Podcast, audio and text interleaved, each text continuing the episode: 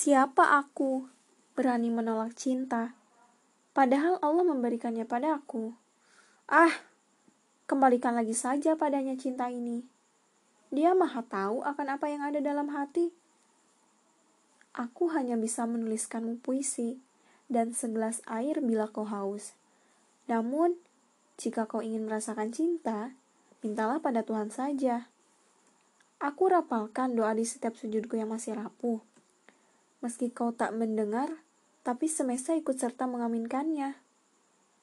Jika bertemu denganmu adalah takdir Tuhan, dan berteman denganmu adalah pilihan, maka jatuh cinta padamu bukanlah sesuatu yang aku rencanakan.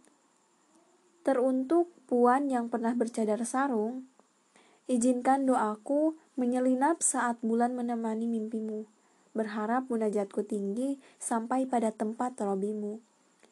Hingga ada ijabah, dua sayap menjadi satu, aku dan kamu. Di rantai cinta, digelangi bahagia, aku tak mau kembali. Biarkan saja terjerat di sini. Rindu ialah persinggahan terbaik saat doaku dan doamu saling mengusik.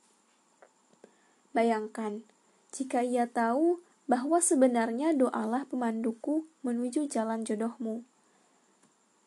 Saat ini tak tahulah daku di mana nyonya bermihrab.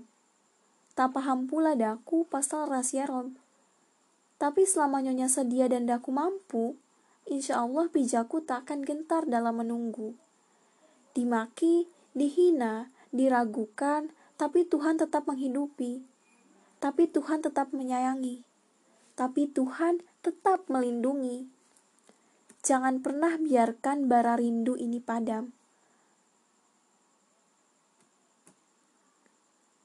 Gumamku di sudut senja ini, menunggu sang malam datang agar ku bisa tumpahkan semuanya dalam simpuhku pada Tuhan. Di pedalaman Kalimantan aku terlahir, berubah menjadi sesosok perindu tentang semua yang ada padamu. Dirimu yang selalu ku nanti, dirimu yang selalu kudoakan, dirimu yang selalu kuceritakan pada Tuhan agar bersanding di pelaminan. Pada akhirnya, aku memilih pergi.